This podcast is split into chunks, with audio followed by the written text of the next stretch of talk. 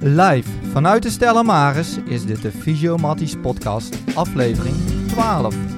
Met vandaag aanwezig uw vaste gasten Patrick Vragen, Theo Elting en Bart Damen. Hey, goedemorgen heren. Goedemorgen. Goedemorgen. Een ochtend deze keer.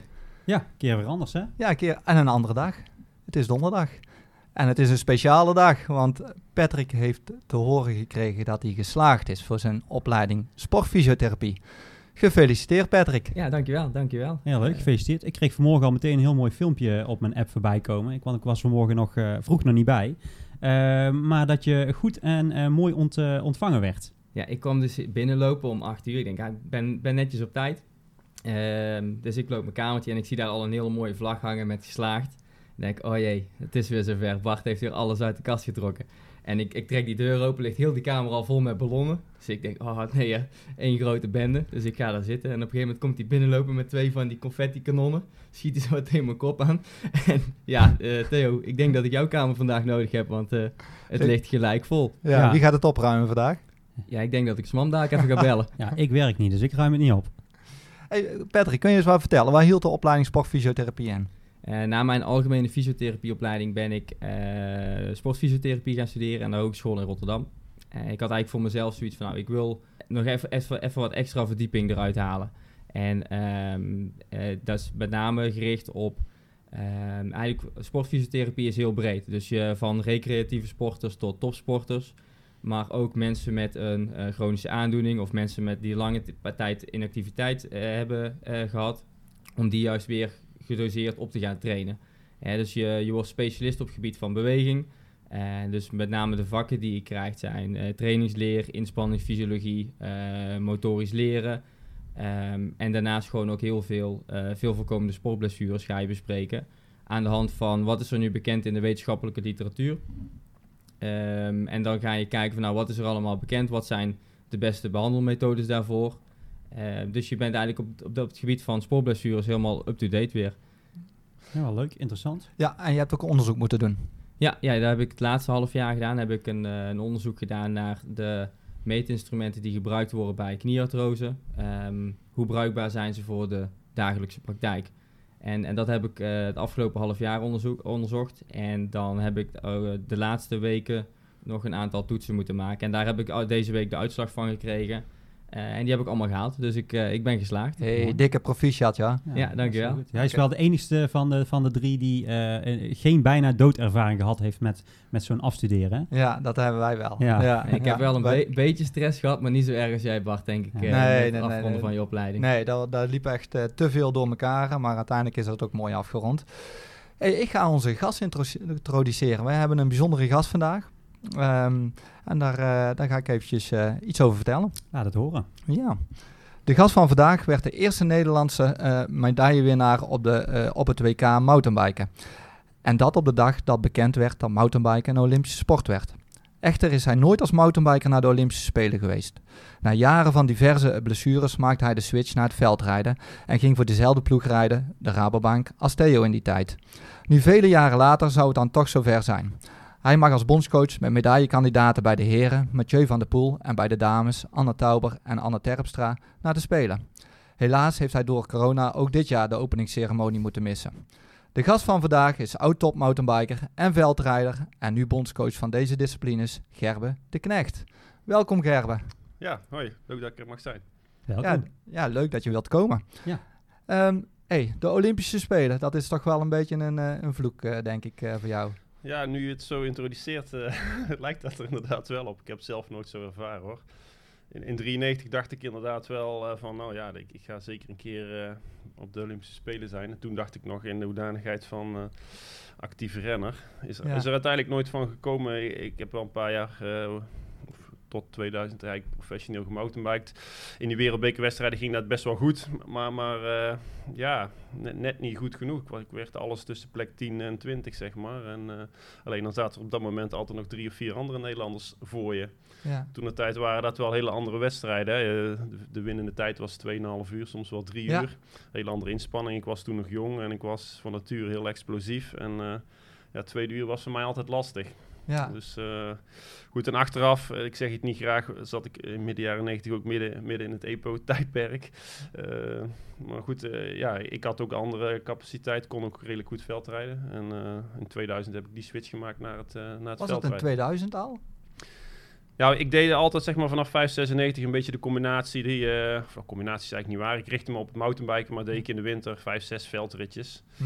En eh, ja, dat resulteerde in 2000, ging, eh, deed ik er wat meer. En toen was het WK en zit Michiel Gestel eh, hier in eh, Mhm. Brabant. En werd ik, werd ik voor geselecteerd en ging wel goed. Stopte Adrie van der Poel, de, de vader Mhm. van uh, Mathieu, die stopte toen dat jaar. En toen werd ik eigenlijk gevraagd van, goh, wil je niet fulltime veldrijder worden? Daar heb ik toen niet heel lang over nagedacht. En Nee. heb ik dat maar gedaan. heb ik het eigenlijk omgeruild. Dus toen werd ik eh focus meer op het veldrijden en, en in de Ja. ja. mountainbike een beetje erbij. Dus het, de Olympische Spelen is nooit een een hoofddoel voor jou geweest in, de, in die tijd als mountainbiker? Nou ja, nee. Ja, z- 96 was toen voor mij nog vrij vroeg. En in 2000 toen had ik, was het, had ik al wat meer focus op, eh, op, op, op het veld eigenlijk. En Mhm. eh, ja, dus ik heb die droom wel een beetje laten varen als het, als het eigenlijk al een droom is geweest. Ja. Maar, maar je was gevraagd dan voor het veldrijden. eh, maar waarom heb je dan echt die switch gemaakt? Nou, het was toen ook een financiële kwestie. Bedoel, eh, mountainbiken eh, was midden jaren 90 wel groot. Hè. Het was toen net Olympisch, stapten veel fietsenmerken in, er waren veel ploegen. Maar ik merkte wel van, eh, ja, ik was een jonge gast in de bloei van mijn leven. En ik, ik, kon voor mijn gevoel twee uur overal omhoog sprinten. Maar dan waren altijd nog andere jongens vijf, zes minuten sneller. Dat kon ik Ja. toen de tijd niet goed begrijpen. En in het veldrijden kon ik wel voor de prijzen meedoen. En als je dan 5, 26 bent, dan...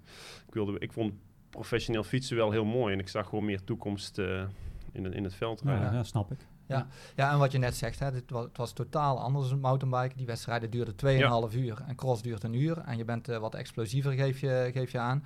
Ehm, ja, dat is wel totaal veranderd in het mountainbiken. Hè. Die wedstrijden duren Ja. nu anderhalf uur. En eh, toen 2,5 uur, als ik kijk in het verleden... Ik heb ook wel eens wereldbekerwedstrijden gereden, onder andere Hoef Verliezen. Dan reed je 2,5 uur lange klimmen eh, en lange afdalingen. En dat is nou echt wel een, een heel verschil geworden. Ja, het is absoluut anders. Eh, het, tegenwoordig heb je zeg maar de tweedeling in een mountainbike marathon. eh, Mhm. Wat eigenlijk meer is wat, wat mountainbike Ja. in de jaren 90 de cross-country variant was.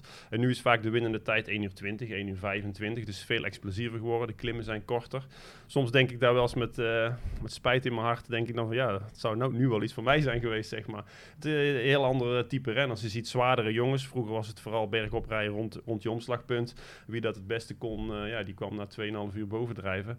Nu moet je goede start maken. Je moet technisch heel goed zijn, hè, want de technische component is ook wel degelijk eh, veranderd, veel moeilijker geworden. Maar het is veel explosiever geworden. De rondjes zijn korter. Eh, ik denk ook wel dat dat een goede zaak is, want voor het publiek is het nu veel aantrekkelijker. Hè? Ja. Je kunt op Red Bull eh, TV al die wereldbekers zien. En je kunt ook echt de wedstrijd zien. Vroeger was een anderhalf uur een verschil voor een minuut. En ja, een uur later was dat verschil drie minuten. Dat was redelijk saai. Zie je het ook niet als een, als een, nadeel dat het parcours, de, de parcoursen st- steeds technischer zijn geworden, waardoor de, het instapniveau eh, wat, wat lastiger is. Hè? De- dus Ja. je, je- het, is, het is wel, je moet van jongs af aan nu gaan mountainbiken om de techniek al te beheersen.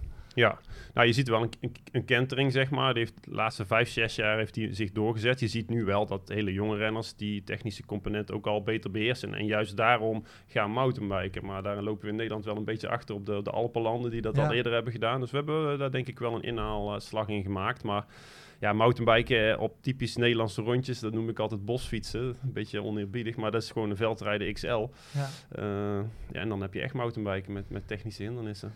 Eh, toch wel bijzonder dat wij voor zo'n vlakke land toch een aantal grote mountainbikers hebben voortgebracht. Hè. Kijk naar jezelf, Mathieu van der Poel, Bart Brentjes. Ja, die, hebben, best wel goed. Ja. die hebben het allemaal heel goed gedaan op, van- vanuit een, vla- een heel vlak land. Ja.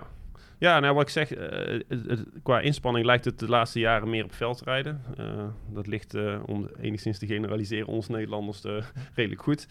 Ehm, ja, ik kan ook niet echt een verklaring voor geven waarom dat nou precies zo gaat, maar... ik denk dat Bart Brentjes wel de toon heeft gezet van... Goh, kijk, mountainbiken is olympisch en dat straalt nog steeds Ja. op, op, op die sport af. Ja, ja.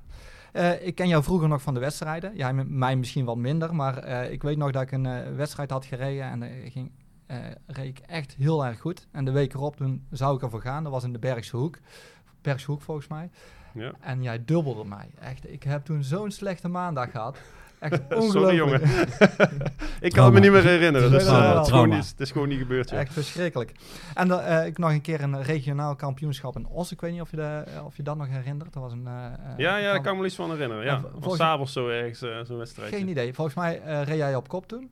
En jij viel uit, denk oh. ik. Oh, dat zou ik niet meer weten. Ja, en ik reed met eh, Roel van Houten, reed ik achter jou. En Roel die viel volgens mij ook uit of die, eh, eh, of die had ik gelost.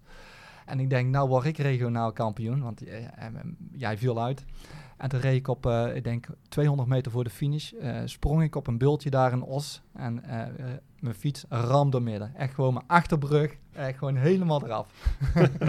dus toen werd ik nog niet Nog regionaal gewonnen. kampioen. En ik ben jou een keer tegengekomen in de Transalp, want daar heb jij ook een ervaring mee. Ja, nou ja, meerdere. Ja, ik heb hem eh, drie keer gereden. En moet ik even goed nadenken. Ja, de eerste keer toen eh, was mijn carrière een beetje in het slop geraakt door allerlei blessures. En toen vroeg, eh, zat ik op dat moment zonder ploeg. En toen vroeg Bart Brentjes van, goh, wil je niet met mij Transalp rijden? Toen, heb ik, ja, toen dacht ik van, ja, nou goed, ja, waar- waarom niet hè? Lijkt me ook wel leuk. Dan kan ik mijn carrière ook weer eens eh, een, eh, een push geven. Want Zo- we reden voor een andere ploeg toen.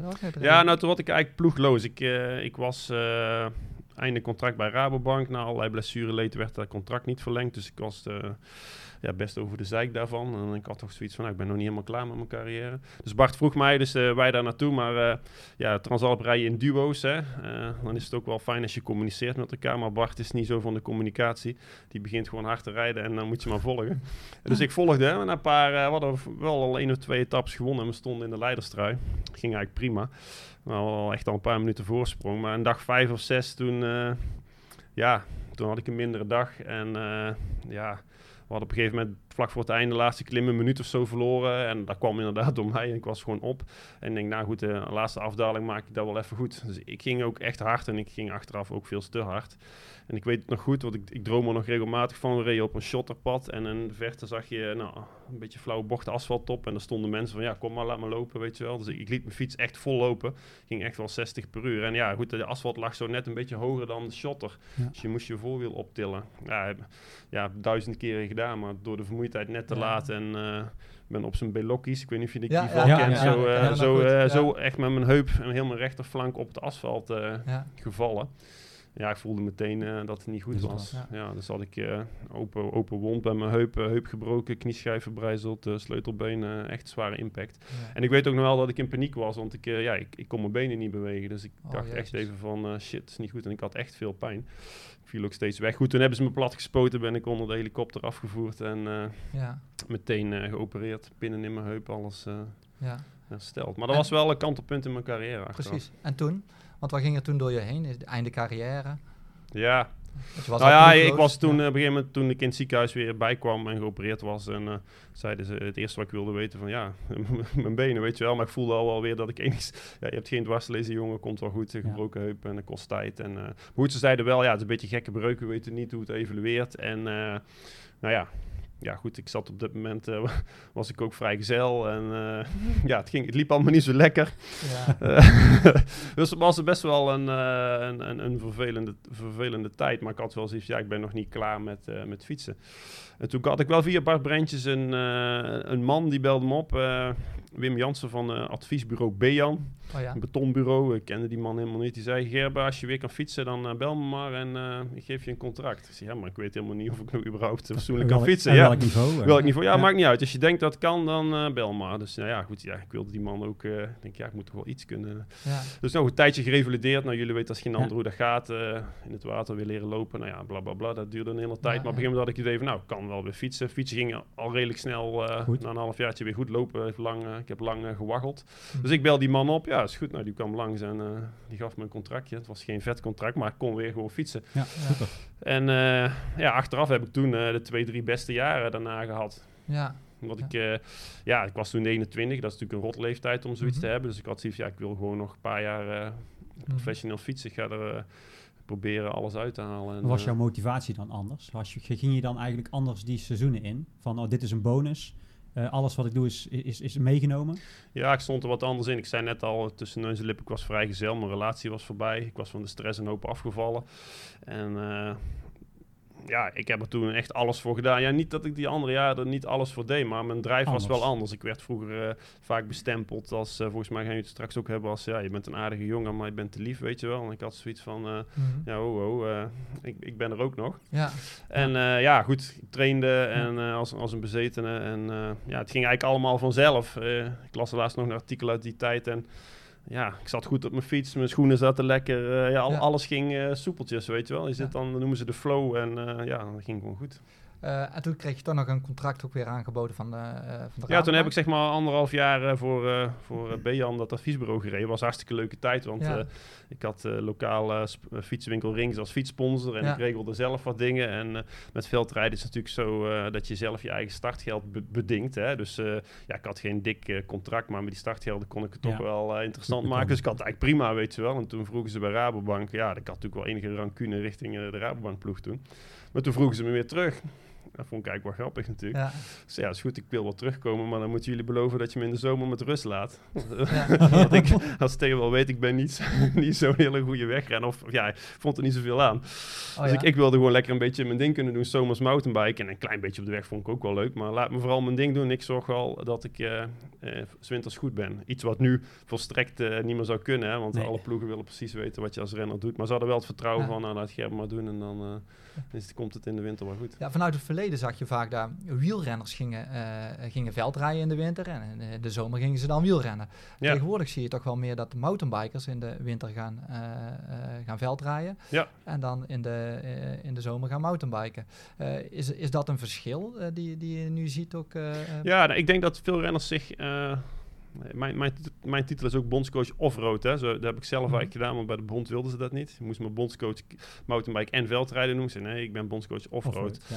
En veel renners noemen zich ook off-road renner. En, en daar ben ik het helemaal mee eens. Hè. Dus je, je kunt allebei doen en met een voorkeur voor, voor een van de twee. Ja. En eh dan kun je daarnaast nog wel een beetje wielrennen natuurlijk. Maar ik, ja, ik vind het wel stoer als je uitspreekt, ja, ik voel me off-road renner. En Mhm. eh, niet per Maar- definitie wegrennen. Dan gaat de gedachtegang die, die, die vroeger heerste eh, van eh, lange veel uren maken eh, ten opzichte van de wedstrijd waar het vroeg. Hè, want een mountainbike duurde, een mountainbike wedstrijd duurde 2,5 uur. Nu een uur en 20 minuten. Dus dat vraagt meteen ook al veel andere dingen. En dat komt eigenlijk veel meer overeen met het veldrijden. Dus je zit continu uiteindelijk in dezelfde... Ja, eh, Ja, juist. Qua trainingsleer, zeg maar, komt Ja. het heel veel, eh, ja, komt het heel, heel goed eh, met elkaar overeen. Eh, en dat is denk ik ook waarom uh, offroad renners, om het allemaal zo te noemen, het op de weg ook goed doen. Want heel veel wegrenners zijn heel lang blijven hangen in het uren maken en niet in het zwart-wit trainen. Ja. Dus of rustig of hard. Eh, heb je het misschien ook al wel eens over gehad in een Mhm. podcast. Eh, dat is denk ik ook de reden waarom Mathieu en anderen het op de weg goed doen. Want zij kunnen iets eh, exclusiefs. Zij hebben echt een, eh, een demarage in de benen. Mhm. En eh, hoe, hoeveel wegrenners trainen nou echt op zo'n demarage, Theo? Dat weet je ook wel. Ja, ja, je, ziet het niet als een probleem dat, eh, dat, eh, eh, dat Mathieu bijvoorbeeld is gaan combineren. Het wielrennen, het veldrijden. Nou, nee, wat Mathieu doet is, is uniek. Hè. Er, zijn er, maar, er is Ja. bijna niemand die dat kan. Hè. Er zijn er wel een paar die dat proberen. Maar, eh, maar je ziet ook dat het voor Mathieu lastig is. Hè. Ik bedoel, mountainbike heeft hij lang voor nodig gehad om dat onder de knie te krijgen. Ja, onder de knie, maar in ieder geval om daar te kunnen winnen. En dat intrigeert hem ook. Dus dat, dat is uitdagend. Maar die combinatie is, is wel lastig. En ook hij merkt nu ook, eh, hij is nog steeds jong, maar hoe ouder je wordt, hoe moeilijker dat dat, dat, dat wordt. Ja. Hij heeft er ook tijd voor nodig. Ja, ja. Ehm, Gerbe, ik ga een aantal eh, stellingen zo, zo, zo direct met jou doornemen, een aantal vragen. Eh, zou je daar zo kort mogelijk op willen antwoorden? Ik ga mijn best doen. Ja? Ehm, wie heeft sportief gezien het meest gepresteerd? Jouw zus Merel als lange afstandsloper of jij als mountainbiker veldrijder? Goeie vraag. Ja, dat is Kort antwoord. Komen we dadelijk op terug. Maar antwoord. ja, qua titels mijn zus. Wat heeft jouw voorkeur? Mountainbiken of veldrijden? Mountainbiken. Als bondscoach is jouw rol als trainer ondergeschikt aan het creëren van het team. Is dat waar? Nee. Het vrouwen mountainbiken en veldrijden verdient meer aandacht.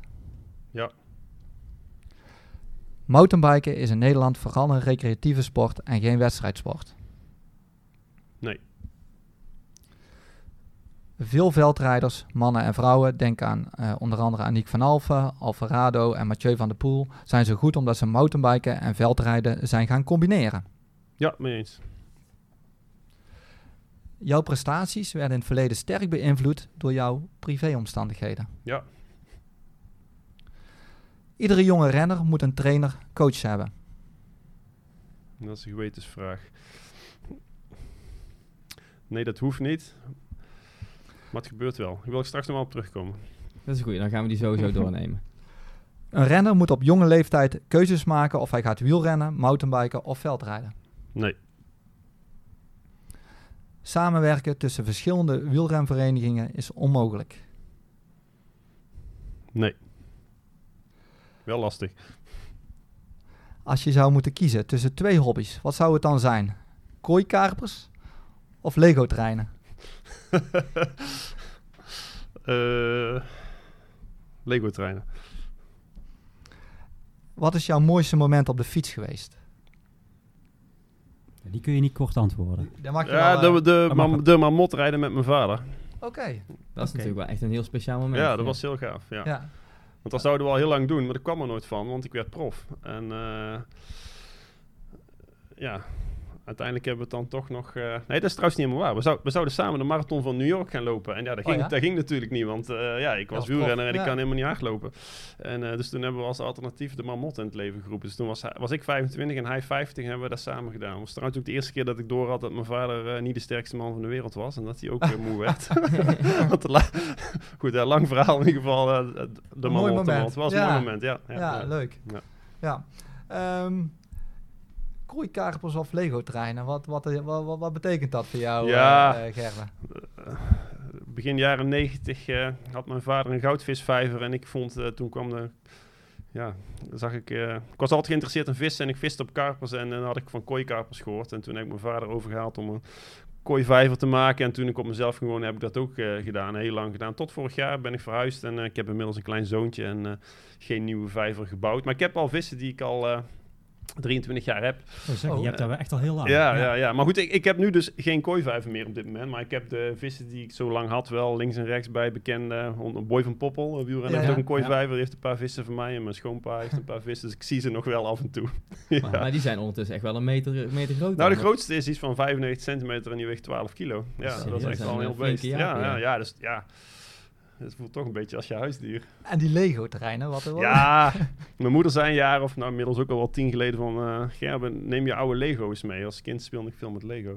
Dus ik die eh, treinen meegenomen en thuis geprobeerd of ze het nog deden. Ze deden het eigenlijk bijna allemaal nog. En toen kwam ik erachter dat je allerlei sites hebt waar je zeg maar missende blokjes of dingen allemaal compleet kunt maken. Dus dat had ik gedaan. En toen kwam ik er ook achter dat die jaren 80 Lego-treinen die ik had. En vroeger had je van die treinen, ja, die wilde ik hebben voor Sinterklaas. Je kent dat vast wel, hè? En die boekjes kijken en zo. Ja. En, eh, maar die kreeg ik niet. Ja, achteraf snap ik waarom, want die waren hartstikke duur. Maar die kun je nu dus allemaal nog kopen. Dus ik heb eh, ja, eigenlijk een beetje in doorgeslagen. Heb ik al die treinen gekocht en verzameld. En een heel diorama op zolder gemaakt. Maar goed, ik ben vorig jaar verhuisd, dus heb ik dat helemaal af moeten breken. Oh ja?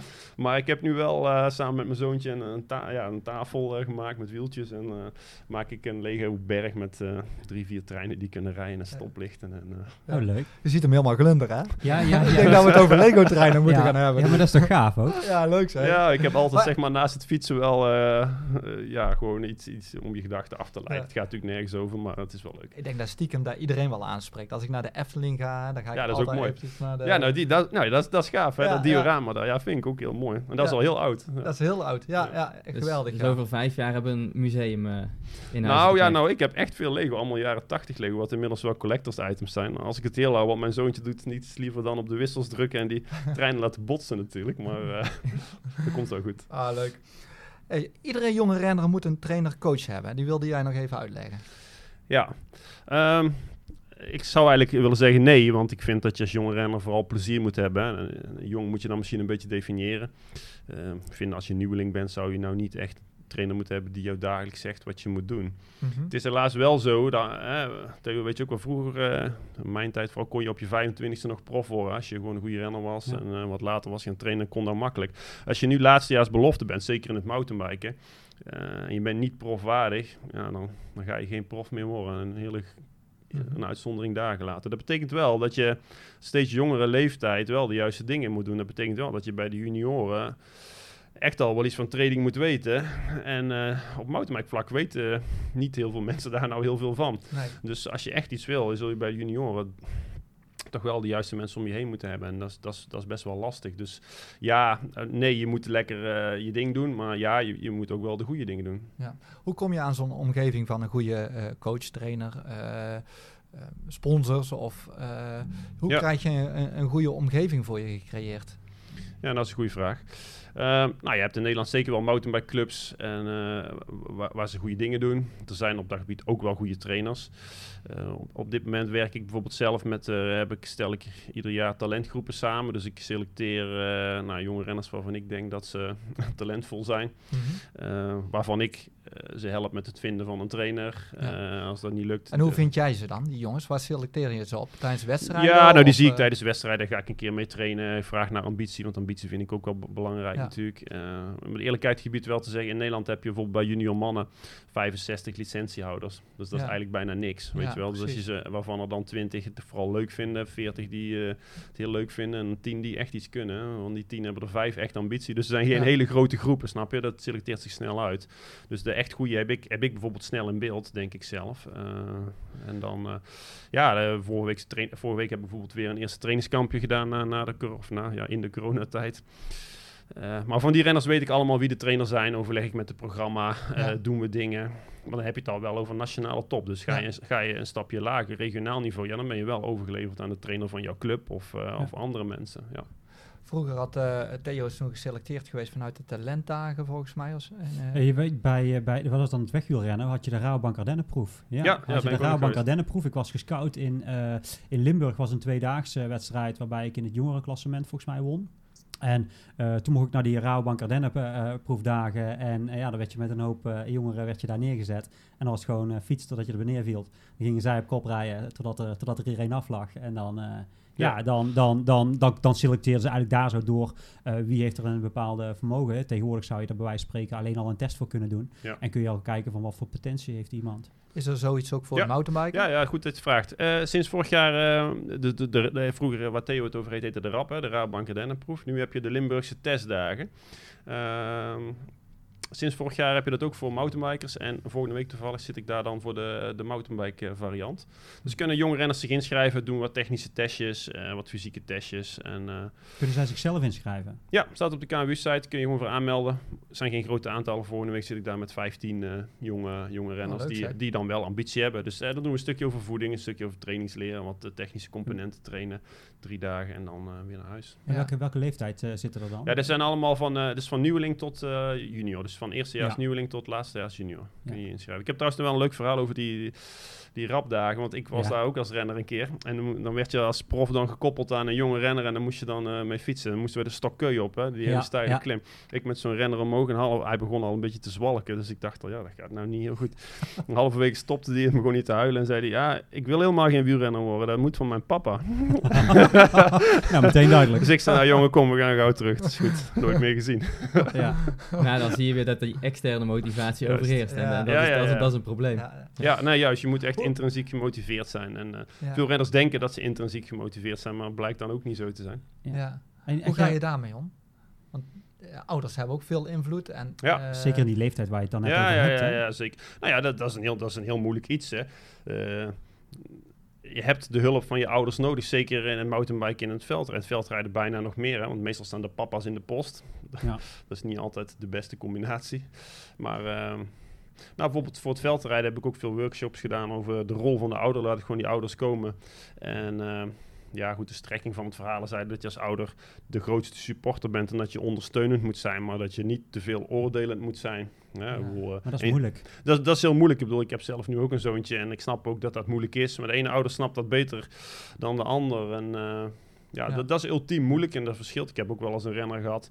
Ja, die vader zat er zo bovenop. En dan heb ik gewoon gezegd... eh, ja, die, die renner gaat alleen mee naar die wereldbeker voor junior als papa niet meegaat. Want anders heeft het sowieso geen nut. Wint die jongen toch die wereldbekerwedstrijd. Ja. Mhm. Ja. Papa is nooit meer mee geweest. Ja. Ja. Ja, ja. Nee, dat is flauwekul, maar eh, ja, ja zo, zo erg kan het wel zijn. Ja. Ja. Hey, en hoe ga je dan uiteindelijk om met biologische leeftijd? Hè? Want je, je praat, echt, ze zijn nieuwelingen, hè? dat betekent eh 15, 16 jaar. Eh, ze moeten er heel veel voor doen. Oh, Veel meer als Ja. wij eh, op dat moment, op die leeftijd. Ehm, en maar stel je voor, ze lopen biologisch fors achter. Hoe ga je dan uiteindelijk daarop selecteren? Of hou je daar wel echt degelijk rekening mee? Ja, dat is natuurlijk lastig. Kijk, fe- ehm, feitelijk als iemand in aanmerking komt voor selectie, dan is het pas vanaf junior. Hè? Dus nieuwelingen eh, kan ik wel een beetje mee trainen. Doen we dat, dat, ja, dan eh, heb ik eh, geen, geen internationale kampioenschappen voor. Dus feitelijk is, het, is dat altijd heel lastig. Want eh, ja, je ziet natuurlijk wel eens jongens die achterlopen of die voorlopen. Maar zeg maar, selectie gebeurt eigenlijk nog steeds wel op basis van prestaties. Maar goed, als je ziet dat iemand extreem potentie heeft op het gebied van, van skills of techniek, dan, dan, dan kun je daar natuurlijk wel eens een beetje mee, mee schuiven. Maar goed, uiteindelijk selecteert zich dat bij de beloftecategorie vanzelf wel uit. Dat, dat, ja, dat, Ja. Dat, dat niveleert vanzelf. Zou je er dan ook voorstander van zijn om te gaan selecteren op eh, biologische leeftijd in plaats van op kalenderleeftijd? Ja, ja, eigenlijk wel, maar eh, in de praktijk is dat heel moeilijk.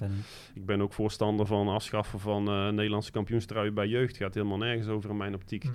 Is ook wel eens geprobeerd, maar dan komen vooral heel veel ouders in opstand. Maar is eigenlijk ook wel een beetje de, ook de KMU-gedachte. hè? Dus dat ze dat eigenlijk toch wel gedacht hadden om eventueel af te Ja, daar is een hele discussie over geweest. Ja, Uiteindelijk is dat er niet doorgekomen door heel veel weerstand van, eh, van papa's of mama's, die dat toch wel mooi vinden als kind. eh. ja. Ik ken heel veel renners eh, die dan eh, als, als eh, WhatsApp-foto hebben, dat ze dan met zes eh kampioenstruien zitten van Mhm. categorie 2 tot en met 7. Maar ja, Ja. dat zegt natuurlijk helemaal niks. Het- Hetzelfde verhaal hebben we toen met Rob van der Werf. Die hebben wij eh, twee weken geleden hier gehad eh, met Ja. sportdiëtiek. Hebben we Ja. het er ook over gehad.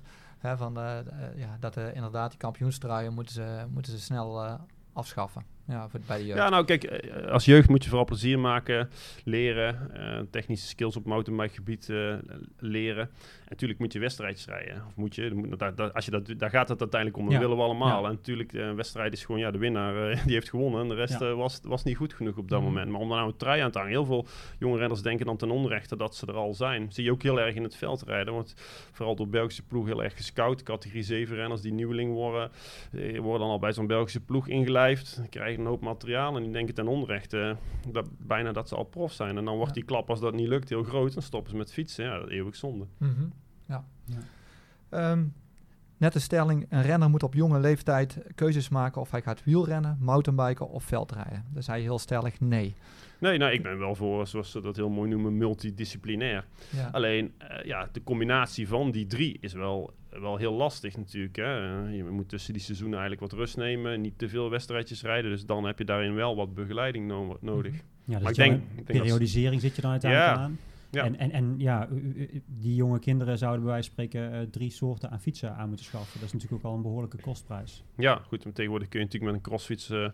met een stel andere wiel ook wel op de weg rijden. Ja. Eh, maar ja, dat, dat is een hele dure sport natuurlijk Ja. om dan alle drie die disciplines eh, te doen. Ja. Maar wat ik bedoel te zeggen eigenlijk eh, is, eh, ja, als je zo lang mogelijk kunt combineren, is, is alleen maar goed. Je bent er dan dus ook voor dat de wielerverenigingen eh, multidisciplinair inzetten, hè, met veldrijden, mountainbiken en wielrennen. Eh, zou BMX er ook bij passen? Ja, dat denk ik wel. Ja, maar goed, het is weer een extra fiets. Weer een extra fiets, ja. En zo'n baan aanleggen is niet voor iedereen weggelegd. Nee. Nee, nee, dan moet je ook een goede baan hebben. En ook mensen die daar verstand van hebben. En die wereld is ook weer kleiner. Dus dat is in de praktijk wel, eh, wel heel lastig. Maar uiteindelijk zie je dan wel dat je eh, de kinderen die, die gaan eh, op een groot gebied motorisch flink ontwikkelen. Hè, dus die worden breed, breder ontwikkeld. En alle energiesystemen worden daarin zo- zoveel mogelijk optimaal getraind. Dus ehm, dat zie je wel bijvoorbeeld binnen het voetbal. Zijn ze ook langzaamaan aan het proberen om meer op biologische leeftijd te gaan selecteren. En juist ook om ehm, ze het liefst zoveel mogelijk op jonge leeftijd verschillende sporten te laten doen. Om ze gewoon breder te Ja. ontwikkelen. Mhm. Daarom eh, kwam jij erop terug dat jij geen eh, marathon van eh, New York kon lopen. Ik heb het geprobeerd, Gerben. Ja, Ehm, en- ik heb het gedaan. Ik praat niet over de uitslag, want daar, eh, daar word ik niet gelukkig van. Maar dat is mooi. Kijk, wielrenners praten altijd over een uitslag in een hardloopwedstrijd. Maar ja, als Ja. je niet wint, is alleen de tijd eigenlijk Hey, hey, interessant. joh, hè? ik, ik, ik, ik, vertrok, jongen. Echt, echt die, die brug over meteen. Ik werd er een hoop vrouwen ingehaald. Ik dacht, oh, ik, ik kan wel redelijk lopen. Maar ik werd er veel vrouwen ingehaald. Echt, ja, eh, eh, niks te nadeel daarvan. Maar dat is die, die algemene level is zo hoog. Echt, jongen. Ik was gewoon een nobody. Bij, bij, nobody. En bij het fietsen zou je dan nog wel eventueel goed kunnen zijn. Maar ik verbaasde me hoe goed alle Ja. anderen waren. En eh, Je kunt ook uiteindelijk zo was ik, moeilijk in het wiel zitten. ja, ja, uiteindelijk was ik natuurlijk na 24 kilometer was ik eigenlijk al geblesseerd en kon ik al niet meer verder lopen. Ik heb zoveel pijn gehad die ik tijdens mijn fietscarrière bijna niet eens gehad heb. Ik heb wel de finish bereikt. Dat was bijna was ik daar trots op. Ik ben er nog steeds trots op. En over de tijd, daar zeg ik niks over.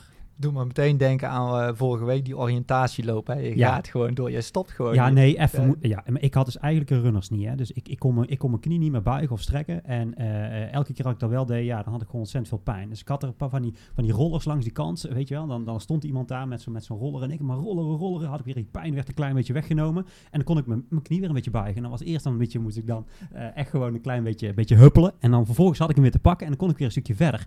Maar wat had ik nou? Ik had natuurlijk wel mijn, mijn metrokaart had ik bij me. Maar ik wist niet waar die metro's waren. Ik wist ook niet waar, precies waar de finish was.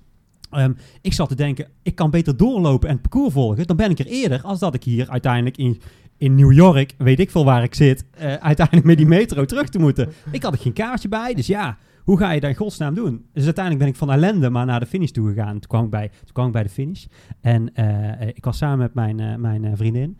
En eh, ik had van tevoren al een rendezvous point aangesproken. Ik zeg, ja, als ik, eh, als ik gefinished ben, dan, eh, dan zie ik je daar, weet je wel. En goed, zij, zij staat daar heel netjes op mij te wachten. Of tenminste, zij komt eraan. Ik, ik, ik was er niet. Zij belt mij op in paniek. Van, waar ben jij? Waar ben jij? Ja, ik zeg, ik moet nog, ik moet nog 600 meter. Zij begint te huilen van, wat is er dan gebeurd? Wat is er dan gebeurd? Ik zeg, ja, vertel ik daar ook wel. Echt, maar zelfs op 150 meter van de streep moest ik gaan wandelen opnieuw, hè. Echt gewoon gaan Zo. wandelen vanwege de pijn, hè. Ja. Dus Ik ben wel En- steeds echt benieuwd naar jouw tijd dan, eh, Theo. Zou je het durven zeggen? Ja, oké kom kom dan, op. oké dan. Eh, jullie mogen niks zeggen, want jullie hebben al- geen een van allen gelopen. nee, hè? nee, Oké, nee, nou, nee, dus, maar dus ik wil geen commentaar. Eh, ik eh, ging op 3 uur 20 weg, want ik dacht, ja, dan kan ik wel lekker lopen. En ik heb er 4 uur en 3 minuten over gedaan. Met al mijn stops, hè? Eigenlijk alleen maar knapper hoe lang je erover doet. Hè? Want dat betekent ook dat je gewoon langer bezig bent en meer pijn hebt. Nou, ik Was heb, je ik- wel goed voorbereid? Of, eh? nou ja, ik, ik, ik had, een, ik had een, een drie kwart jaar had ik gelopen, dus op zich ging dat wel redelijk. Maar ik was eigenlijk, een twee weken van tevoren was ik geblesseerd. Ja. En ik ging daar geblesseerd heen en dan kom je in New York, heb je vijf dagen, betaal je goudgeld voor. Eh, die inschrijving kost 500 euro. En je gaat daar gewoon wandelen van tevoren. Ja, je, je kunt niet niks doen. Je bent er maar eh, een paar keer in je leven. Of once in a lifetime. En ja, dat ga je doen. Dus ik stond eigenlijk al een beetje geblesseerd aan de start. En eh, de- dat- dat heb ik geweten. Hey, maar jouw zus is wel een serieus goede eh, hardloopster. Die is verschillende keren Nederlands kampioen. Ja, dat eh, klopt. Ja. Ja, daarom ben ik eigenlijk maar nooit gaan lopen, want die tijden kon ik toch nooit eh, even naar. Ik kom echt uit een loopfamilie. Hè. Mijn vader heeft meer dan 50 marathons gelopen en ik ben Zo. opgevoed met eh, het eerste woord wat ik kon zeggen. Zei, mijn moeder was altijd hamstring, want mijn vader was altijd geblesseerd aan zijn hamstring. en eh, ja, ik kan me herinneren, ja, mijn vader liep dan altijd de marathon van Rotterdam en dan moesten we ook met tussenpunten met de metro en dan moesten we daar bidonnen geven. En dan, ja, dan, za- dan zagen we hem natuurlijk niet of hij was al langs of hij was uitgestapt. Of, ja, dat- ja, ik weet nog precies hoe dat voelde. Eh, maar toen hebben we ooit de afspraak gemaakt, ja, als, eh, dan gaan we samen die marathon van Rotterdam, van Rotterdam of van, van New York lopen. Ja, goed, eh, nooit van gekomen. En eh, toen heeft mijn zus dat van mij overgenomen. Maar Ja. mijn zus eh, was, ja, mijn zus is inmiddels ook wat ouder, loopt niet meer superveel, maar eh, een paar keer Nederlands kampioen, een half marathon, marathon. eh. Ja, volgens mij liep die de marathon in 2 uur 34, als ik me goed herinner. ja, zoiets. Dat is best wel, best wel snel. Ja, Daar heb ik wel respect voor. Ja, ja. dat is gewoon anderhalf uur sneller, eh, Theo. Ja, daar wil ik niet over. Maar yes, ja, je moet er maar eens gaan lopen, jongen. Ja, Probeer, het- probeer dat ook maar eens te redden. Dan moet je serieus hard... Ik, ja, ik ga dat nooit van mijn leven redden. Nooit. serieus nooit. hard, ja. ja. En mijn zus is ook pas op latere leeftijd eigenlijk eh, gaan lopen. Ja, ja, wel respect, want eh, ze deed ook gewoon eh, baan, twee kinderen. S ochtends op de loopband, s'avonds op de loopband. Ja. Ja. die moest een speciale loopband, want die andere die kon, moest 20 per uur kunnen. Ja. Oh. Dat kan niet iedere loopband schijnbaar. Ja, ja. dat is niet normaal. Echt knap, Ja. echt knap. Eh Gerben, we hebben jou gevraagd om eh, eh, MBTI persoonlijkheidstesten in te vullen. Ja, Dat heb je ook gedaan, dankjewel. Hier kwamen de letters ESFJ uit. En dit wil zeggen dat je, je zijn persoonlijke, jouw persoonlijkheidstype zijn plichtgetrouwe teamspelers die nauw samenwerken met anderen en het fijn vinden zich ergens thuis te voelen. Voor het oplossen van problemen gebruiken ze hun gezonde verstand. Nou, dat is als bondscoach eh, natuurlijk goed, eh, ideaal. Herkende je jezelf in? ja jawel, jawel, jawel. Ik heb wel eens vaker van dat soort dingen gedaan natuurlijk. En eh, ik weet, ik word bijna 45. Ik weet inmiddels wel hoe ik in elkaar Ja. steek. Nee, dus daar ken ik me wel in. Ja. En ik denk inderdaad dat het voor een bondscoach ja, wel een goede typering is. sociaal en extravert, gaf, gaf jouw persoonlijkheid aan. Ze begrijpen wat anderen nodig hebben en uiten hun waardering voor bijdragen eh, van anderen. Om een bes- beslissing te kunnen nemen, verzamelen ze benodigde feiten. Ze vinden het leuk om effectieve procedures op te zetten. Ehm, ja, er zitten ook wel valkuilen aan, aan jouw persoonlijkheid. Oh ja, zeker, vertel, als, vertel. zeker als topsporter lijkt me zo. Ja, en ik zei het net al hè, in het eerste stadium even van vroeger. eh, mijn moeder zei ook wel eens van ja, als jij in een groepje rijdt, word je altijd laatste van je groepje. Net of ik ze dan allemaal voorliet of zo, weet je wel. Dat was natuurlijk absoluut niet zo. Ja. Maar eh, nou ja, goed, ik, ik kreeg eh, na, pas nadat ik gestopt werd, had ik wel door. Ja, iedereen vindt jou altijd aardig, werd er wel verteld. Ja. Je bent te aardig, te lief. Ik heb zelf nooit zo ervaren. Ik heb voor mijn gevoel echt altijd wel mijn, eh, mijn plek verdedigd. Maar je hebt wel in mijn carrière, eh, noem ik het maar even heel zwaar gezegd, voor mijn val zeg maar. Dan was ik inderdaad misschien wel te lief. En ik soms, ik weet nog wel dat ik wedstrijden reed en dan werd ik vijfde of zesde. En dan kwam ik over de finish en denk ja, wat is er nou eigenlijk in die wedstrijd gebeurd, weet je wel? Want ik had op een soort cruise control die wedstrijd gereden. Later ben ik wel gaan beseffen van, ja, die, die anderen zijn niet echt beter, maar die, ja, die hebben net iets meer eh, killersinstinct. Je moet er meer voor gaan. Daar heb ik ook wel ge- ge- geforceerd geprobeerd zo te zijn. Maar later kwam ik erachter, ja, je bent ook gewoon wie je bent. Ik ga Ja. niet eh, iemand voor eh, een paar euro drangrijk inrijden. Ja. Maar bijvoorbeeld wel een mooie... ja, ik ben er niet heel trots op, maar ik heb ook wel eens eh eh, Stibar een klap in zijn gezicht gegeven. Oh ja? Dat zou je natuurlijk niet van mij denken, hè? Nee, dat zou je niet Nee, denken. nee, nou ja, goed. eh, Er was een, eh, Stibar was als veldrijder in zijn opkomende periode. En eh, ja, ik kwam heel vaak met hem in een groepje terecht. En dan de laatste ronde ging het natuurlijk op leven en dood. En hij was een, ja, Super rap. hij was heel rap. Ik was redelijk rap, maar hij was absoluut sneller. Maar hij, hij, hij, ja, hij kwakte en hij duwde. En dan was, dat had zich al een paar wedstrijden zo eh, nou ja, opgeteld. Toen reden we in de cross in Hasselt met Lars Boom en ik. En Stierbouw voor plek drie. En ik dacht, nou, ik ga drie worden. Hè, een paar voorlaatste bochten. En dan kom me onderdoor en dan rijdt me onderuit. En ik vlieg het hek in. Ja, ik weer niks. En eh, hij wordt natuurlijk drie. Dus nou, ja, ik kom een minuut later zo over de finish. En ik zie hem daar staan. En ik weet nog goed wat ik voelde. Ik werd zo boos. Ja, en, uh, ja, ik sloeg hem op zijn gezicht. Hè. dus uh, ik denk, ja, op het moment dat ik deed, dacht ik van ja, shit, nou word ik geschorst en alles erop en eraan natuurlijk. En, uh, maar uh, ja, nou ja, goed, later kwam zijn ploegleider naar me toe. Ja, heeft gelijk. En altijd, uh, ja. goed. Later hebben we het uitgepraat en zijn we, zijn we beste vrienden geworden. Niks ja. aan de hand. Maar ja, ja dus ik kan echt wel mijn mannetje staan. Achteraf ja, had ik dat natuurlijk nooit moeten doen. Maar je, stom, maar uh, ja. Je hebt er wel een paar nachten slecht van geslapen. Ja, jawel. Ik heb er wel, ja, nee, daar heb ik dan wel weer van want, wakker gelegen. Ja, want het, zijn wel, het heeft wel naweeën. Het is niet zo, je, je, je, slaat hem en je bent het kwijt. Nee, je, nee. je denkt wel dat je er daarna nog wel... Uh, dat is die goedheid die er weer Dat is die goedheid, ja. Nou ja, ik ben zoals ik ben. Een ander voorbeeld is wel, ik, ik fietste vroeger wel eens met Lars Boom en die had in zijn jonge jaren nog wel de nodige vriendin. En dan vroeg ik, hey, hoe is het met die vriendin? Ja, dat is al lang uit, joh. Die had hij alweer iemand anders. Ja, dan dacht ik van, nou, dat, hij was het dan ook oprecht vergeten, weet je wel. ik had dan zoiets, ik had dan zoiets van, ja, hoe, ja dat, dat, bij mij werkte dat anders, weet je wel. ik kon dat niet zomaar achter me laten. Nee, je neemt dat gewoon langer mee dan. Ja, tuurlijk, ja. ja. ja. Ja. En uh, als bondscoach moet je ook uh, uh, mensen selecteren. En daar eh, kun je ook niet iedereen tevreden mee houden. Hoe, nee. hoe, ga, hoe ga je daar Nou ja, goed, dat, dat is wel eh, de mindere kant van mijn bondscoachschap. Dat is niet altijd makkelijk. Daar ben ik wel beter in geworden. We hebben natuurlijk ook gewoon duidelijke selectiecriteria. Mhm. Mm -hmm. En 95% selecteert zichzelf daarmee. Maar er zijn altijd discussiepunten. discussiepunten. De vijfde, ja. zesde renner. Ja. Daar komen meerdere renners voor een aanmerking. En dan moet je een keuze maken die je soms linksom of rechtsom kan uitleggen. En dan Ja. is het aan de coach. Ik heb zoiets van, nou goed, eh, ik heb voor mezelf dan een duidelijk verhaal. Dit is de visie die Mhm. ik heb. Bijvoorbeeld bij junioren, als renners met elkaar in de weegschaal liggen en er is een eerstejaars, kies ik altijd voor de eerstejaars. Ja. Dus dat maak ik zo ook duidelijk. Ik heb daar nog nooit echt discussie over gehad, maar natuurlijk proef je wel dat renners teleurgesteld zijn en dan wordt er natuurlijk achter je rug om natuurlijk wel over uh, gediscussieerd. Ja, dat is en, logisch, en, dat is logisch, dat begrijp ik. En, ja. uh, maar dat is inderdaad minst leuke. Maar uh, goed, uiteindelijk zijn de kampioenschappen er wel, want daar gaat het dan vaak om die selecties om, om te presteren. En ja, dan hou ik me voor. Het gaat, ik laat nooit de wereldkampioen thuis daarmee. Nee. Nee, maak, nee, maak je nee, zo'n keuze dan op gevoel of maak je die echt op basis van feitelijke informatie? Nou, zoveel mogelijk feitelijke informatie, maar vaak, wat ik net zeg, die laatste plek ja. is het soms ook wel gevoel. Hè? En dan kun je dingen laten meewegen. Nou ja, parcours ligt die renner beter, of die is nog wat jonger, of uh, technisch is hij daar wat beter. Potentie. Maar ja, goed, die andere renner die dan thuis blijft, die legt dat net de andere kant op ja, uit natuurlijk. Uit, uiteraard. Ja. ja. logisch. En dat moet ook. En ja. ik zeg ook altijd, je moet ook teleurgesteld zijn, want als je niet teleurgesteld bent, dan is het ook niet goed. Ja. Maar dat is wel lastig, hè, want ik ben uh, redelijk amicaal met de renners. En uh, dat botst dan wel eens. Dan denken ze van, goh ja, maar hij deed zo aardig tegen mij. Maar ja, goed. Uh, uiteindelijk is topsport wel een harde wereld. Hè? En uh, je, je moet bro brood verdienen als je profma of beroepsmatig fietst. En ja, dan moet je wel eens... dan moet je daar gewoon tegen kunnen, hoort erbij. Ik heb er naderhand ook wel over na zitten denken, Gerbe. Hè, van, toen ik wist dat je zou komen, van ja goed, hè, wat heb je dan inderdaad hè, met mij gedaan? En ik herken wel echt dat, dat kantelpunt eigenlijk bij jou. Dat zou ik eigenlijk, want dat had ik al eigenlijk op papier gezet, is dat er een, een, een, een, een, een wat jongere Gerbe is en wat, en, wat, en wat volwassenere Gerbe. Is dat je op een gegeven moment echt een keuze gemaakt hebt van hé, hey, ik ga daar wat anders mee om. Omdat je toen ook nog wat meer Nederlands kampioen bent geworden. Je bent gewoon eigenlijk iets egoïstisch, iets meer aan jezelf eh, gaan denken. En het heeft wel echt resultaat opgeleverd. Ja. En, en voorheen, voorheen uh, Team 3 van Rabobank hebben we toen gezeten. Dan praten we over Franse koersen op de weg rijden, Ja. et cetera. Ja, dat was de andere kant van het verhaal. Hè? Dus eh, ik, ik, ja, dat is ook echt wat echt, als, als mijn gevoel eh, bij jou is blijven hangen. Ja, Ja, nou, ik, ik werd vroeger ook wel eens door wegcoaches getypeerd als ja, hij is een vlierenfluiter en ja, flapdrol is maar ben ik ook wel eens genoemd. En, en ik snap de typeringen nooit, maar ik, ik heb geen wielerachtergrond, hè, dus ik kom uit een gezin waar hardlopen, je moest Mhm. hardloper worden. Nou, ik wilde geen hardloper worden.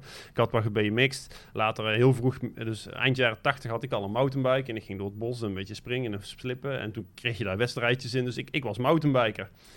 En eh nou, ik opgegroeid in de midden jaren 90 mountainbike cultuur. Een beetje gaan veldrijden. En dat was al gelieerd aan de weg. Dus daar, daar was al de weggedachte. Veel trainen en, eh, en je moest rusten en op bed liggen smiddags. En ik was daar helemaal niet mee opgegroeid. Mhm. Dus ja, toen werd ik in 2000 ook prof op de weg. Moest ik in één keer een wegwedstrijd... Ik had nog nooit een wegwedstrijd gereden. Ik tussen de profs. Ik werd de eerste wegkoers hadden ze mijn, eh, mijn kaderplaatje voorop gemonteerd, weet je wel. Heb ik in de koers gewoon echt zo, gereden. heb ik echt zo gereden. Hè. Die, die mechanieker dacht, dat zal wel terugkomen. Ik heb gewoon zo gereden. Ik snapte er helemaal... Of ja, ik snapte er niks van, is een groot woord natuurlijk. Maar ja, ik, ik had daar niks mee. En als je dan... En die cultuur was heel eh hiërarchisch, hè. Ja, Ja. ja. Ja, je was een jonge gast, je moest voor de kopman, hè. Je moest maar bidonnen. Ja, ik heet dan ook nog de knecht, dat is helemaal lastig. dus eh, ja, ik had daar moeite mee. Ik vond het ook niet leuk. Voelde me daar niet zo thuis. Ja, Nee. ja. Welke sportprofiel past er eigenlijk eh, bij Gerben, Theo? Ehm, eens even kijken, daar heb ik gekeken. Eh, ik zal het even voorlezen. Alles, als sporters zijn verzorgers in principe goed in het bewaren van hun controle van grove motoriek en kunnen atletisch en soepel bewegen. Weet ik niet of dat met jouw rug ook zo is in dit geval. Eh, maar ze moeten zorgen dat de wedstrijdspanning minimaal is. Onder druk zijn zij geneigd om te verkrampen. Heb je, heb je dat ook gehad of niet? Heb jij dat je, dat je onder eh, Ja, als de jongen- meest belangrijke wedstrijd? Als jonge renner wel natuurlijk, maar later... eh, Heb je er beter mee om leren Ja, veel minder. Dat is wel een proces Ja. geweest, ja. Ja. Eh, ontspannen blijven is echter moeilijk voor ze, wat ze eh, want eh, ze benaderen de wedstrijd zeer emotioneel. Ze willen gecoacht worden met warmte en gevoel, geprezen worden om hun inspanningen, niet te veel be- eh, bekritiseerd worden en aangespoord worden om hun best eh, te doen. Ik denk dat dat ook wel een klein beetje bij jou is. Hè? Wanneer je uiteindelijk, eh, wanneer ik jou keihard op je falie zou geven, dan ga jij daar niet heel veel harder van fietsen. Nee. Jij moet gewoon wel liefdevol behandeld worden, gewoon met, met respect zal ik dan maar zeggen. Ja, ik denk dat ik dan wel het beste gedij. En dat is ook wat, wat ik bij anderen eh, doe. Ik Ja. heb een hekel aan die ploegleiders die allemaal iets schreeuwen en doen. Ik, eh, Past jouw karakter dan niet meer bij een teamsporter als bij een individueel sporter? nou, nou dat, durf- dat wil ik niet per definitie zeggen. Je moet wel zo zien, hè. Mijn, mijn taak als bondscoach is... eh, omvat verschillende dingen. Ik ben natuurlijk primair ver- verantwoordelijk voor eh, EK, WK's, selecties daarvan en het traject daar naartoe, eh, wa- wat trainingen. Maar op zo'n kampioenschap moet je eh, niet vergeten dat je daar één of twee weken soms bij elkaar bent met een, met een ploeg. En dan moet de sfeer in de ploeg is, is, is, eh, is dan heel belangrijk. Hè, je hebt renners die normaal niet bij elkaar in de ploeg zitten. Er is soms al wat vrevel. Ehm, die, ja, die sfeer en, eh, en de logistiek moet goed geregeld zijn. En dan zonder mezelf op de borst te kloppen durf ik wel te zeggen dat ik daar redelijk goed voor elkaar kan, kan Ja. krijgen. Hoe zit het dan met de belangen van de, van de, eh, van de ploegen, zeg maar? De, eh, de, de sponsorploegen waar de... Ja, nou het speelt er allemaal doorheen. Hè. Er staan mensen totaal niet bij stil. Maar eh, mijn taak is ook veel logistiek. Ja. Ik ben ook veel tijd kwijt met, met dingen regelen. Ja. Dus zeg maar als er personeel mee gaat, hotels, reizen, auto's, hoort er allemaal bij. Hè. Het is niet zo dat de KNWU daar een heel kantoor, arsenaal, ja... Goed, eh, dat lukt inmiddels allemaal wel. Maar, maar ploegen hebben daar, hè. bijvoorbeeld Mathieu, eh, Mathieu van der Poel doet natuurlijk ook graag zijn eigen dingen. Dat op zekere hoogte probeer ik dat altijd in te willen. Maar dat geldt natuurlijk ook voor anderen. Dus je, je moet ook goede contacten hebben met Ja. die ploegen. Die mensen moet je goed kennen. En eh, nou, ik denk dat dat zeker goed gaat. Voelt dat ooit aan als onderhandelen of Ja, is dat gewoon ja, goed nou, overleg? onderhandelen. Ja, goed. Ik heb het idee dat, ze mijn, dat de meeste mensen van die ploegen mij respecteren en ik hen. En ik doe wat binnen mijn mogelijkheden Ja. kan. En soms hoort er ook nee bij. Nee, dit kan niet. Maar eh, dat gaat heel organisch. En ik Ja. denk dat dat eh, de juiste weg is. Ja. Je krijgt dan een beetje wat je geeft. En jouw Juist. karaktereigenschap is gewoon heel simpel. Is dat je eh, samen wilt werken met iedereen. En eh, iedereen wilt respecteren. En dat doen ze dan uiteindelijk ook met jou. Het is niet zo dat jij met de bottenbel ergens erheen gaat. Nee, nee, ik geef wel aan waar de grenzen liggen. Ja. Maar eh, ja, ik, ik sta open voor iedere, iedere discussie, zeg maar. Ja. Binnen, Ja. binnen de perken natuurlijk. Je moet eerst kunnen delen voordat je kunt vermenigvuldigen. Ja, en zonder wrijving is er ook geen glans, zeg ik wel. Dus Ja. het is niet erg als het een keer botst. Ja. Nee, ja, dat is ook zo. Zeker zo. Eh, je bent eerst talentcoach geweest bij de KMU. Was, eh, was bondscoach een, eh, een logische stap? Nee. Nee. Nee, ja, ik voelde me in die rol wel thuis. Hè. Als talentcoach ben je vooral met junioren bezig. En het elite niveau eh, is dan voor iemand anders voelde ik me heel erg in thuis. Hoef ik ook geen hele moeilijke selecties te maken. Voelde eigenlijk wel prima. Maar ehm, ja, die situatie dat ik bondscoach werd, is eigenlijk geboren uit de financiële crisis. Oh ja? Eh, na de Spelen van, eh, van Rio 2016 eh, werden de mountainbike prestaties van de elites door het NOC-NSF zeg maar af, afgewaardeerd. We hadden toen een wat oudere, oudere ploeg daar, werd minder gepresteerd. En de NOC-NSF, die de grootste financieerder van de, van de bond is zeg maar, voor de Olymp- Olympische sporten, die waardeerde het mountainbike-programma af. Er kwam een soort afbouwregeling, waardoor we dit jaar bijna 0 euro van het NOC-NSF hebben. En eh, ja, goed, eh, daar hangt ook aan vast dat er dan ook eh, minder geld is voor een salaris van een bondscoach. Mhm. Dus de toenmalige bondscoach Tim Heemskerk, waar ik Ja. trouwens goed mee samen heb gewerkt, Ja. die, ja, die, die moest eigenlijk het veld ruimen en die coach ook voor iets anders. En ja, toen dus daaruit is eigenlijk die, mijn dubbelrol ontstaan. Toen werd mij gevraagd van, goh, kun je niet alles combineren en eh, word je overkoepelend bondscoach veldrijden, mountainbiken en Ja. inclusief talentcoach. Tim Heemskerken was denk ik eh, echt, een, eh, echt een trainer ook, hè? Want die heeft ook... eh, Ja. Nou, is bewegings, ja, is bewegingswetenschapper. Ja, juist. ja. Wat, is, wat is jouw achtergrond eigenlijk, Gerle? Ik ben ervaringsdeskundige. Ervaringsdeskundige, kijk. maar heb, heb je een trainerscursus Ja, natuurlijk heb ik dat wel gedaan. Maar ik, als, als bondscoach is je taak veel ruimer dan... Ik geef natuurlijk zelf veel trainingen. Eh, wat ik straks al zei, er zijn maar weinig mensen die heel specifieke dingen van offroad training weten. Ja. Dus daar daar moet je echt gewoon ook wel wat ervaring mee hebben. Ik durf wel te zeggen dat ik die heb. Maar eh, wat ik net zeg, eh, de, logistieke verhalen, mentale componenten. Hoe is, het, eh, hoe is het met je? Hoe gaat het met je? Mhm. Eh, veel, veel renners hebben daar gewoon behoefte aan. Hè? Klop op de schouder. En ik denk dat ik goed ben in inschatten van... eh, ja, hoe gaat het met die persoon? Wat heeft hij nodig? Eh, kan, kan ik daar nog iets in doen? Moet zijn ploeg daar nog iets in doen? Of eh, nou, nou, dat soort dingen. Je, je bent ook niet absoluut hun trainer. Hè? Jij gaat niet per dag vertellen wat zij moeten doen. Hè? Je bent Nee. de coach. Ja, Dus juist. Eigenlijk zit, zit daar het grote verschil ja, in. maar goed, ik zorg wel dat ik het idee heb. Ik, ik, hè, tegenwoordig heb je programma Training Peaks vast Ja. wel over gehad. Ik, Ja. ik kan wel bij twintig renners meekijken hoe het is. En renners bellen mij ook vaak van... Goh, ja, het loopt niet meer zo goed met mijn trainer. En dan speel ik mediator of ik koppel ze aan een andere trainer. Mhm. Ik weet eh, dan goed, nou goed, die zou bij die passen. Of eh, soms als het even misgaat, eh, dan, dan help ik zo'n jongen op pad. Nu heb ik ook weer iemand die ik dan een paar maanden train en weer hopelijk een beetje omhoog kan, kan trekken. En dan probeer ik die weer ergens anders om te brengen. Dus dat is ook een rol van een bondscoach, zeg maar. Ik ben... eh nou, allemans vriend is een groot woord, maar laatst las ik een interview van mezelf en dat was, eh, want de kop was het oliemannetje. En ik dacht eerst van, het oliemannetje, ik, snap, Ja, ik snapte de kop niet. Ja. Maar later, eh, ja, ik ging een stukje lezen en ik ben zeg maar de, de olie in de spil van alle radartjes. En ik nou ja, dat is wel mooi verzonnen. Eigenlijk klopt dat wel. Ja. Hou je dan ook rekening met de persoonlijkheden van de renners bijvoorbeeld? Ja, ja, zeker. Maar dat doe ik wel gevoelsmatig. eh, ik doe ook wel ja, ik, de, eh, die action typing en eh, persoonlijkheidstests die we doen, heb ik ook vaak gedaan. Maar ja, in- inmiddels ken ik de meeste renners wel redelijk goed. En kan ik denk ik zelf wel goed inschatten ja, wat bij welke persoon werkt. Maar daar, daar moet je gewoon wat ervaring mee hebben. Ben je voor een termijn aangesteld als bondscoach? Of, Ja. of is het een... Ja. ja, nou dat loopt eigenlijk een beetje samen met de Olympische cyclus. Hè? Dus toevallig was er gisteren wel goed nieuws. De NSC-NSF heeft eh, voor de komende vier jaar, dus richting Parijs, wel eh mountainbiken weer als topsport eh, aangemerkt. Dus dat betekent dat we weer in de reguliere subsidievoorziening komen. Dat is heel mooi, want dan kunnen we veel meer doen dan dat we afgelopen vier Mhm. jaar deden.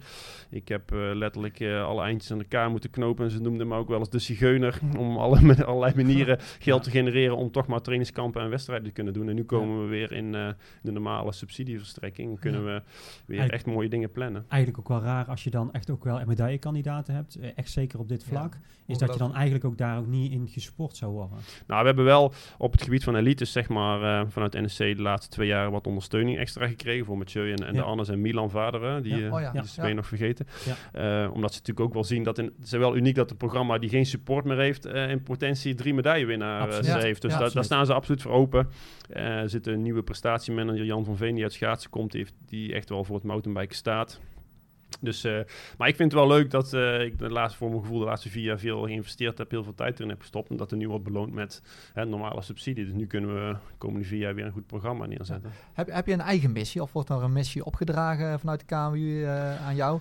En, en hoe draag je dat uit? Ja, nou, op, op, op mountainbike vlak eh, zijn er wel prestatieafspraken, maar je moet heel eerlijk zijn. Zeg maar, op elite prestaties is mijn invloed naast eh, hoe is het, hoe gaat het, wat de trainingen mee doen. Ja, ze hebben allemaal een eigen trainer en zitten ook bij een eigen commerciële ploeg. Ik heb zeker wel inspraak daarin, maar eh, ja, het is wel lastig om daarop afgerekend te worden, zeg maar. Maar ik heb mijn eigen missie, en dat is ook wel de KNWU-missie, is van, ik zei het straks al, als je laatstejaarsbelofte bent en je bent niet profwaardig, word je geen prof. Dus ik wil wel, ik zie mijn rol meer als van, nou, in mountainbiken is mijn doel van, eh, ik wil ieder jaar wel proberen één of twee renners af te leveren, derde, vierdejaarsbelofte, die profwaardig zijn. Dus die gescout worden door een commerciële ploeg en daar Ja. dan in hun eh, eh, programma kunnen, Ja. kunnen doen. Ja, als je dan anders bekijkt, de afgelopen winter zijn er eh, eh, vier medaillewinnaars geweest op het, eh, op het WK veldrijden. Ja. Wat is jouw rol daarin geweest? Nou, bij sommigen wat meer dan bij de anderen. Maar bijvoorbeeld Celen Alvarado. De, de- ja, goed, die heb ik als, als 16-jarig meisje, 15-jarig meisje leren kennen op mijn trainingen. Gekoppeld aan een trainer. Ja, nou, een mooi voorbeeld is wel... Ik had natuurlijk snel door dat zij wel bijzonder was op fysiek vlak, maar ook op technisch vlak. Goed, bleek dat ze toen ik haar leerde kennen dat ze zes uur in de week trainde. En dat ze dacht dat ze daar wel prof mee kon worden. nou goed, dan moet je daar natuurlijk gesprek over hebben dat dat wat anders is. Hè? Dan ga je eens met dat trainer praten. En met papa en mama thuis. Een paar keer thuis geweest. Nou, je moet toch meer gaan trainen. Dit en daar mee geholpen. Individueel mee getraind. En dan zie je dat ze die klik heel erg maakt. En dan hangt ze ook een beetje aan mij. Hè? Van, eh, nou, we willen uh, meerdere keren per week mee trainen. Uh, ja, welke ploeg zal ik dan gaan? Uh, wat denk jij? Ja, zo ontstaat die band. Dus uh, ja, dan, dan, dan, als zij dan die medaille uh, wint, ja, ja, Dan, dan voelt dat wel goed. Ja, ik ga dan niet ja. mezelf op de borst kloppen en denk van, ja, mooi. Dat is, uh, dan heb ik echt het idee dat ik daar een steentje aan heb bijgedragen. dat is wel mooi. Heel, heel gaaf. Als je daar ziet in de afgelopen vier jaar, dan hebben we heel veel medaillekandidaten en winnaars ge, gehad. Hè? De, ja, nou bijvoorbeeld Annemarie Worst, die kwam ik een paar jaar, die ken ik uit het mountainbiken. Annemarie Worst is eigenlijk een mountainbikester. Ja, ik wil ook wel veldrijden. Nou, beetje mee geholpen, een paar keer geselecteerd, mee getraind, uh, andere ploeg, zo, uh, geswitcht van motorploeg naar veldploeg. Ja, ja, nou goed, ik heb ook letterlijk ook wel een beetje aan haar getrokken van, uh, nou, als ik jou was, zou ik gaan veldrijden, want dan je, heb je meer toekomst. Een beetje dubbel, omdat ik ook haar wel graag op de mountainbike zou zien natuurlijk, maar ja, daar, daar, heb je dan wel een bepaalde rol in die anderen vaak helemaal niet zien. Ja. Is het echt jouw droombaan ook? Nou, zou ook wel Lego-ontwerper willen zijn of zo. nee, dat is flauwekul. Komt, uh, nee, nou, nou, weet je, in de coronatijd heb ik veel thuis gezeten. En na een best wel vermoeiend veldritseizoen. En achteraf dacht ik van ja, goed, het komt nog niet eens zo slecht uit. Want ik kon eindelijk eens wat tijd met mijn zoontje doorbrengen. Weet je, bondscoach zijn is geen 9 tot 5 of 9 tot 6 baan. Hè. Ze bellen me om 8 uur, om 9 uur en ook om, om 8 uur s ochtends op met al, allerlei vragen. Uh, dus je hebt bijna nooit, nooit rust. Als ja. ik op vakantie ga, word ik ook gebeld terwijl ze weten dat ik op vakantie ben. Ja, en ik neem dan ook vaak de telefoon op. Dat is mijn eigen ja. stommiteit. Maar mijn droom... Ja, nou, vorige week was ik dan voor het eerst weer met renners op pad. Uh, trainingskamp was hartstikke leuk. En dan dacht ik van, ja, toch wel echt een topbaan, weet je wel. Dan voel ik me wel... Uh... Je bent wel vrij, aan de ene kant. Ja, nou goed, ik, ik heb mezelf altijd... Die vrijheid vond ik altijd mooi. Dus ik ging fietsen en dan reed ik vaak weg bij mij in Goorlen langs Riel, langs de snelweg. En dan stond iedereen daar in de file. En dan dacht ik van, nou, ja. Kijk mij hier lekker fietsen. Dat is toch mooi, hè? Dus daar heb ik eigenlijk nog steeds wel een beetje. Absoluut. Dus uh, ja, wat dat betreft zou je misschien wel kunnen zeggen dat het een droombaan is. Ja, ja. Ik kan hier ook om 9 uur s ochtends zijn, hè? Dan hoef ik, dat kan ik zelf plannen. Ja, leuk. Ja. Uh, wij hebben uh, stiekem een testje met jou gedaan. Oké. Ja, uh, wij hebben jouw uh, persoonlijkheidsprofiel helemaal doorge, doorgespit. En daar, uh, dus toen ik toen straks vroeg aan jou wat, wat lust je te drinken. ik had er ook een kan zelfgemaakte limonade staan. die jongens hier hebben dat ook gepakt.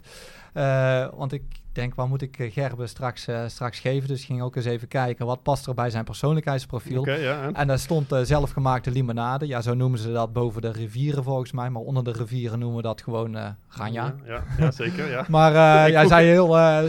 resoluut. Resoluut ja. van, doe mij maar thee. Dus dat viel even tegen. Maar jij dacht echt dat ik ganja ging vragen.